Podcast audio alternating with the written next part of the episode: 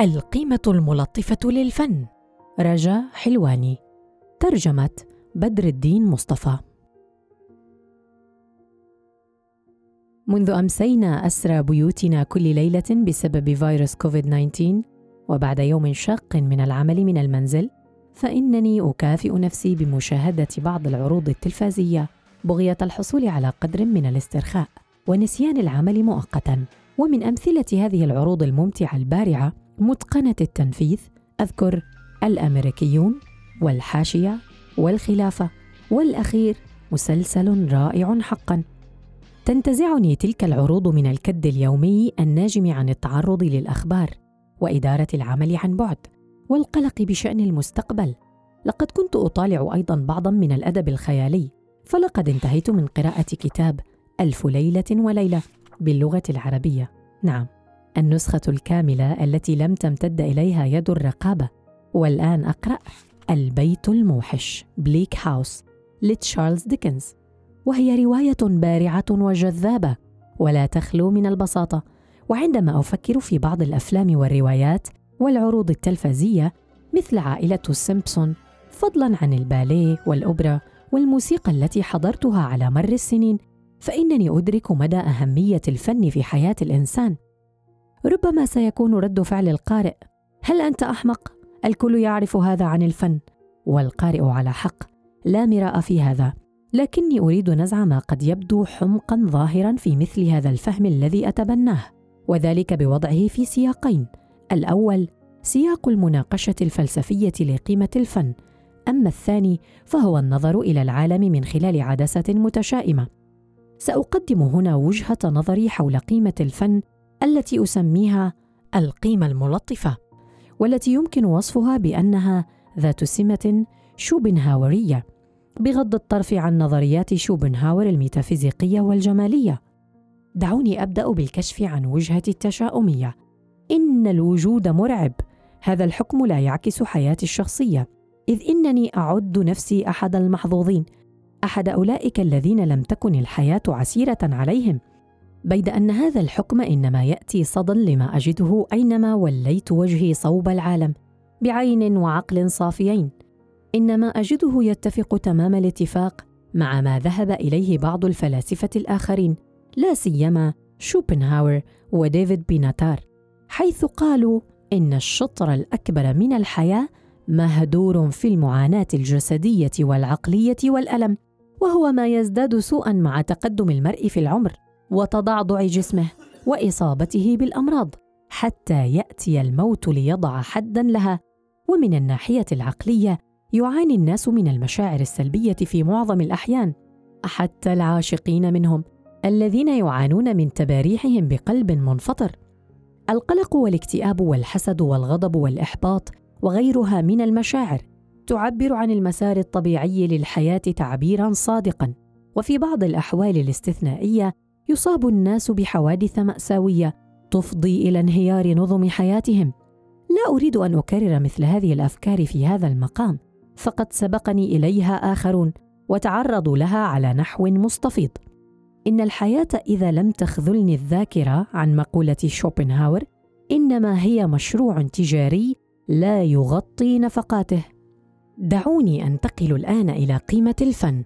يفهم الفلاسفة القيمة بطرق شتى. لكني أريد التركيز في هذا الصدد على التمييز بين القيمة المتأصلة والقيمة الذرائعية. القيمة المتأصلة هي قيمة الشيء أو النشاط في ذاته. أما القيمة الذرائعية فهي قيمة ما يؤدي إليه هذا الشيء. على سبيل المثال الذهاب إلى طبيب الأسنان ينطوي على قيمة ذرائعية فقط. تتمثل في الحفاظ على كفاءة أسناننا. في حين تنطوي الصحة على قيمة متأصلة هو قيمة ذرائعية في الوقت ذاته. في الحقيقة معظم الأشياء والأنشطة التي تنطوي على قيمة متأصلة في ذاتها تميل إلى أن يكون لها قيمة ذرائعية أيضا. اكتساب المعرفة والضحك والخروج في نزهة لطيفة وهلم جرا. ورغم ذلك هناك بعض الأشياء التي تكون في هذا العالم وليس في الاحتمالات المنطقية الأخرى ذات قيمة ذرائعية فقط. وفي الوقت ذاته لا يمكن الاستغناء عنها مما يضعها في وضع غريب. إن لها قيمة ذرائعية ولكن لم يستغنى عنها حتى الآن وربما لن يحدث ذلك. تأمل هذين المثالين. لدى المظلات قيمة ذرائعية ونحن نستخدمها منذ أمد بعيد. ومن المحتمل أننا سنستخدمها لفترة طويلة أيضا ولكن ما أسهل أن نتخيل تقنية جديدة تمكننا من الاستغناء عنها؟ على سبيل المثال بذلة شبيهة بزي رواد الفضاء بها خوذة تغطي رؤوسنا حالما يتساقط المطر. هل ظهور هذه التقنية محتمل في وقت قريب؟ ربما ليس قريبا ولكنه قد يحدث مستقبلا. للطب قيمة ذرائعية أيضا ورغم ذلك من المؤكد أننا لن نستغني عنه ابدا. لأننا ما دمنا بشرا فنحن كائنات بيولوجية. ما يعني أننا سنكون دوما بحاجة للتداوي والعلاج. بقدر ما نستطيع من تدهور أجسادنا حتى تحين لحظة النهاية. لذا فإن قيمة الطب رغم أنها ذرائعية فقط إلا أنها ضرورية. ماذا عن الفن؟ من الواضح أن قيمة الفن ذرائعية. فمن خلال قراءة شعر أبي نواس على سبيل المثال لدينا فكرة لا بأس بها عن طبيعة بغداد ابان حياته فيها. وبتأمل لوحات رامبرانت يمكننا استنباط معلومات حول نمط الثياب في ذلك العصر. لذا فإن قيمة الفن ذرائعية من حيث إنها توفر لنا معرفة مهمة عن المجتمع والتاريخ. بمعنى آخر يمكننا استخدام الفن كأداة تاريخية وأنثروبولوجية واجتماعية للحصول على معلومات تخص هذه المجالات. كما قد يكون الفن ذا قيمة ذرائعية بما يزودنا به من حكمة ودروس أخلاقية لا سيما عندما تكون من أهداف العمل الفني. على سبيل المثال تعلمنا رواية سيلاس مارنر حائك رافيلو لجورج إليوت أن قيمة الحب أنفس من قيمة المال. ويلقننا فيلم تايتانيك أن قدرة الحب تكمن في الصمود. ومثل هذه القيمة الذرائعية للفن نقل الحقائق والأحكام الأخلاقية تسمى بالنزعة المعرفية التي تشير إلى فكرة مؤداها أن الأعمال الفنية قد تكون وسائط لنقل مثل هذه الحقائق. ثمة قيمة ذرائعية أخرى للفن تتمثل في قدرته على تهذيب نفوسنا. معرفة أن المال ليس أغلى شيء في العالم كما في سيلاس مارنر قد يجعل بعض الناس أقل جشعا وإدراك بشاعة العنصرية كما قدمها فيلم يافا. قد يفضي إلى زيادة تعاطف المرء مع وضع عرب إسرائيل. ولا تخلو وجهات النظر أعلاه من بعض المشكلات بطبيعة الحال. على سبيل المثال ليس شرطا أن يكون العمل الفني جيدا حتى يقدم هذه الحقائق. فقد يكون العمل تافها ورديئا ومبتذلا. وهلم جرا من الصفات التي قد تتسم بها بعض الروايات والأفلام والمقطوعات الموسيقية ذات الرؤى الجيدة؟ أو المثل التي قد نتعلم منها رغم مستواها الفني الرديء. كما قد يكون ثمة بعض الأعمال الفنية الجيدة لكنها تنقل رسالة خطأ. إضافة إلى ما سبق تبدو الأعمال الفنية عرضية بالنسبة لتلك الدروس التي لا ينبغي أن تستغرقك داخل العمل الفني أو يستحوذ عليك العمل الفني بسببها أو تجده منصبا على تبليغ الدرس. في حقيقة الأمر إن الكثير من الفن المفاهيمي يشبه هذا النوع في معظم الحالات. يأتي تكوينه المادي مخالفا تماما للفكرة الكامنة وراءه. ليس من الضروري أن نكون فقراء مدقعين لكي نعرف أن أي شيء يصلح لأن يكون عملا فنيا. فكيس قمامة ممتلئ بالنفايات أو كومة من الخردة المعدنية بمقدورهما تقديم المعنى ذاته. وفضلا عن هذا إن تهذيب النفس بالفن موكول للشخص نفسه فلا بد من أن يتسم بشخصية معينة وميول تسمح للدرس بأن يؤثر في شخصيته تاثيرا ايجابيا. قد يستمتع شخص ما تمام الاستمتاع بمسرحية أودي ملكان من غير أن يدرك حتى أن الأشخاص الصالحين قد تصيبهم مأساة أو تنزل بهم قارعة.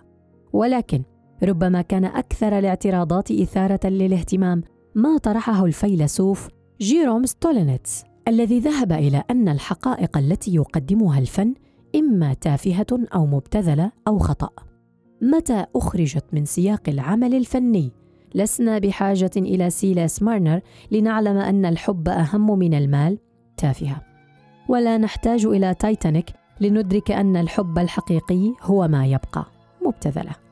وبعضها مثل حقيقة تايتانيك عندما يخضع للتدقيق الحد الأدنى يتحول إلى خطأ.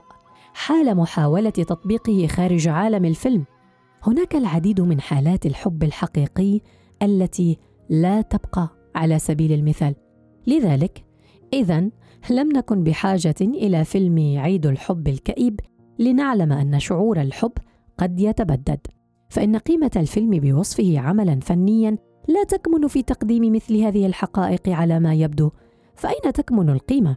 إذا تذكرنا أننا نستمتع بشدة بالفيلم وسرده لكيفية تحول الحب الرومانسي إلى قبح. فربما تكمن قيمة الفن في تجربته وكلما كان الفن أفضل كانت التجربة التي يقدمها أفضل. لا تكمن قيمة فيلم مثل عيد الحب الكئيب في معرفة جانب من الحقيقة التي نعرفها حق المعرفة بل في استغراقنا في تلك التجربة. في الواقع ربما كنا نستمتع بعمق بالعمل الفني لأننا نعرف بالفعل أي حقيقة تكمن وراءه. عبقرية مقولة إن قيمة الفن تكمن في تجربته تتمثل في كون هذه القيمة متأصلة لا ذرائعية. فحتى تكون لديك خبرة بباليه بحيرة البجع تحتاج إلى خبرة في فن الباليه. لذلك لا يمكنك الاستفادة من قيمة الباليه دون الحصول على هذه الخبرة. هنا يصبح الفن لا مناص عنه. لولا الفن لما كانت الخبرة الفنية ولولا الخبرة الفنية لم تكن القيمة. لذا فإن قيمة الفن تكمن في خبرته وكلما كان العمل الفني أفضل كان أكثر إثارة للاهتمام وأكثر دقة من حيث التنفيذ وأكثر استيعابا. ولديه ما يعالجه من موضوعات عميقة أكثر جمالية أو جمالا تضاعفت قيمة الخبرة التي يكونها. وهذه القدرة المذهلة للفن لإدماجنا في الخبرات القيمة هي القيمة الذرائعية الأهم للفن. قدرته على إخراجنا من الكدح والبؤس اليومي في الحياة فيجعلنا ننسى مؤقتا ويلات هذا العالم وآلامه سواء اكنا نعانيها أو يعانيها الآخرون. ومن ثم يسمح لنا بتحمل وجودنا بطريقة أقل قسوة. هذه هي القيمة الملطفة للفن. إنها تمكننا من خوض الحياة بأكبر قدر ممكن من السهولة والمتعة إلى أن يأتي الموت في النهاية. إنها تقوم بمواساتنا في خضم حياة تحتوي بالنسبة لمعظم الناس على فائض من الألم النفسي والجسدي لا ينتهي إلا مع موتنا. وهذه القيمة بذرائعيتها ذات أهمية قصوى. تخيل أن شخصين يموتان في ألم وعذاب. أحدهما مقدم على الموت دون أي قدر من الراحة أو الإلهاء أو تخفيف الألم بينما الآخر قادر على التقاط أنفاسه بين الحين والآخر للحصول على قسط من الراحة. من الواضح أن نهاية الشخص الثاني يمكن تحملها أكثر من الأول وهنا مناط القيمة الحاسمة للفن. لتوضيح بعض المسائل. إنني لا أقول إن الناس يتفاعلون مع الفن بقصد نسيان بؤس الحياة على الرغم من أن البعض يفعل ذلك بالتأكيد. بل إنني أقول بدلا من ذلك إن للفن قيمة ملطفة في أي تفاعل مقصود يتفاعل الناس معه. لذلك لا يذهب الناس إلى الفن ولسان حالهم نريد أن نخرج من بؤس الحياة لبضع ساعات.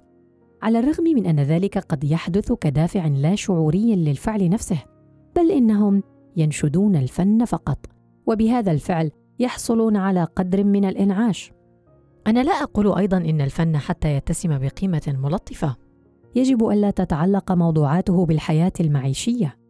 قد يظن المرء هذا الظن وهو أن الفن إذا أراد أن يلهينا عن الحياة يجب أن يعالج موضوعات لا علاقة لها بالحياة. لكن ذلك مستحيل. فالموضوعات الوحيدة التي قد يعتمد عليها الفن هي التي تتعلق بشكل مباشر أو غير مباشر بمخاوفنا. إضافة إلى ذلك حتى يكون الفن فاتنا وجذابا يجب أن يعالج موضوعات نعتبرها مهمة. الحب والموت والإنجاب والصداقة والجنس والفضائل والرذائل البشرية وهلم جرا كلما ابتعد عنهم كان أقل تشويقا. وكلما كان أقل تشويقا كان أقل جاذبية. وكلما كان أقل جاذبية كان أقل تلطيفا. ولكن كيف يمكن للفن أن يلهينا عن بؤس الوجود؟ وفي الوقت ذاته يبقينا مستغرقين في موضوعات وجودنا. الإجابة عن هذا السؤال في رأيي تتعارض مع ما قاله بعض الناس عن الفن وهو أن الفن يستغرقنا لأننا غالبا ما نرى أنفسنا معكوسين فيه. لأنه يتعلق بالقارئ أو المشاهد. هذه الإجابة الشائعة على نحو واسع يجب معالجتها بعناية. الفن يتعلق بالجمهور فقط بالمعنى السطحي. من حيث ارتباطه بالموضوعات التي تهم البشر وجماهير الفن هم بطبيعة الحال بشر. لكن الفن لا يتعلق بالجمهور بمعنى أن الجمهور يرى نفسه في شخصيات الفن. هذا ببساطة غير صحيح. اولا فالجمهور متباين ويأتي من خلفيات ومجموعات مختلفة. ثانيا قد يكون موضوع الفن شيئا مختلفا تماما عن جمهوره. كيف يمكنني أنا الذكر العربي الذي يعيش في القرن الحادي والعشرين أن أرى نفسي معكوسا في شخصية سيتا داخل ملحمة راميانا التي أشعر رغم ذلك بالتعاطف الشديد معها والشفقة عليها؟ الجواب بدلا من ذلك هو مزيج من أمور ثلاثة. ألف إن الفن لا يكون على وجه التحديد متعلقا بالجمهور بأي طريقة مباشرة. ب ولكنه رغم ذلك يتعلق بموضوعات مهمة بالنسبة لجمهوره. جيم هذه الموضوعات تطرح بطريقة جذابة وممتعة وجمالية. يدور مسلسل المحقق الفذ من HBO حول الجانب المظلم من الإنسانية وبشاعة ما قد تقترفه من أفعال لكن هذا لا يمنعنا قط من الاستمتاع بالمسلسل. إذا كان أي شيء يعمق استمتاعنا بتوضيح كم يكون الوجود الإنساني قبيحا من الناحية الأخلاقية وإن كان ذلك مضمنا في التمثيل والحوار والتصوير السينمائي الممتاز لأن الفن لا يتعلق بجمهوره بأي طريقة شخصية بل يضع مسافة نفسية بينه وبين الجمهور. لاحظ كيف يقوم الفن بذلك بطرق مختلفة. في حين يتجاوب مع أنواع مختلفة من الجماهير. أولئك الذين يستمتعون بالاستفزاز الفكري. الذي يقدمه عمل فني مفاهيمي داخل معرض ما. مقابل أولئك الذين يستمتعون بالاستغراق الجمالي في اللوحات التقليدية. وأولئك الذين يستمتعون بالأوبرا. مقابل أولئك الذين يستمتعون بالموسيقى الشعبية وأولئك الذين يستمتعون بالمسلسلات مقابل أولئك الذين يستمتعون بالعروض التلفازية المعمقة وأولئك الذين يستمتعون بالروايات الرومانسية المبتذلة مقابل أولئك الذين يستمتعون بالروايات الرفيعة. يخرجنا الفن من كدح الحياة سواء أكان فنا رفيعا أم رديئا وسواء أكان عملا باهظ الإنتاج أم قطعة بإحدى صالات العرض الفني؟ لاحظ أيضا أنه رغم أن القيمة الملطفة للفن تكون أفضل عندما نشرك حواسنا مع فكرنا في حال كانت الخبرة الجمالية التي يقدمها مجزية للغاية فإن الفن يساعد أيضا في تخفيف أعباء الحياة بعدد هائل من الطرق الصغيرة خاصة من خلال ما يتمتع به من قدرات زخرفية من أدوات تجميلية وتزيينية للبيئة من حولنا بشكل عام. تجميل العالم الذي هو من صنيعة الإنسان إحدى أشيع الوظائف الفنية وهنا تكمن القيمة التلطيفية. على الرغم ما للفن من قيم أخرى عموما إلا أن القيمة الملطفة للفن تعد الأهم من بينها جميعا سواء الذرائعية أو المتأصلة. وعلى الرغم من أن العديد من الأعمال الفنية الفردية قد تكون ذات قيمة لأسباب غير ملطفة إلا أن تلك الأعمال التي تكون ذات قيمة ملطفة تؤدي وظيفة غاية في الأهمية لنا. إن الفن بالنسبة للحياة بمنزلة حصول شخص يغرق على جرعة هواء. الفن لا يجعل الحياة تستحق العيش لكنه يجعلها محتملة. لذا نحن ممتنون لجميع الفنانين الذين ساعدونا في البقاء ونحن على قيد الحياة. أما أولئك الفنانون الذين يريدون محو الحدود بين الفن والحياة فأقول لهم لا إذا فعلتم ذلك فسوف تسلبون الإنسانية إحدى أثمن أدواتها في مجابهة الحياة. أما الفنانون الذين لا يشغلهم في فنهم سوى العدالة الاجتماعية أو الإدلاء بتصريح سياسي أو ببيان حول الفن نفسه فأقول لهم سوف يفقد فنكم شغف الناس به. ستلبون رغبات عدد محدود من الفنانين الآخرين داخل صالة العرض. إذا كنتم تريدون أن يكون فنكم سياسيا وأن يعالج القضايا الأخلاقية فهلموا إلى إبداع هذا الفن لكن اجعلوه جذابا وممتعا بطريقة تمس بعمق عواطفنا وحواسنا لا ملكاتنا الذهنية فحسب. لا تحولوا فنكم إلى مقال رأي ساقط في إحدى الصحف. في حقيقة الأمر إن مثل هؤلاء الفنانين بامتناعهم عن تقديم فن محمل بقيمة ملطفة. إنما يتنازلون عن مسؤوليتهم الأخلاقية في مد يد العون للإنسانية. لكن إذا كانت الحياة بالغة السوء ألا يقدم الفن لنا خدمة معيبة بجعلها مقبولة؟ ألا يخدعنا أو يضللنا من أجل مواصلة العيش؟ ألا ينبغي علينا إنهاء حياتنا بدلا من ذلك؟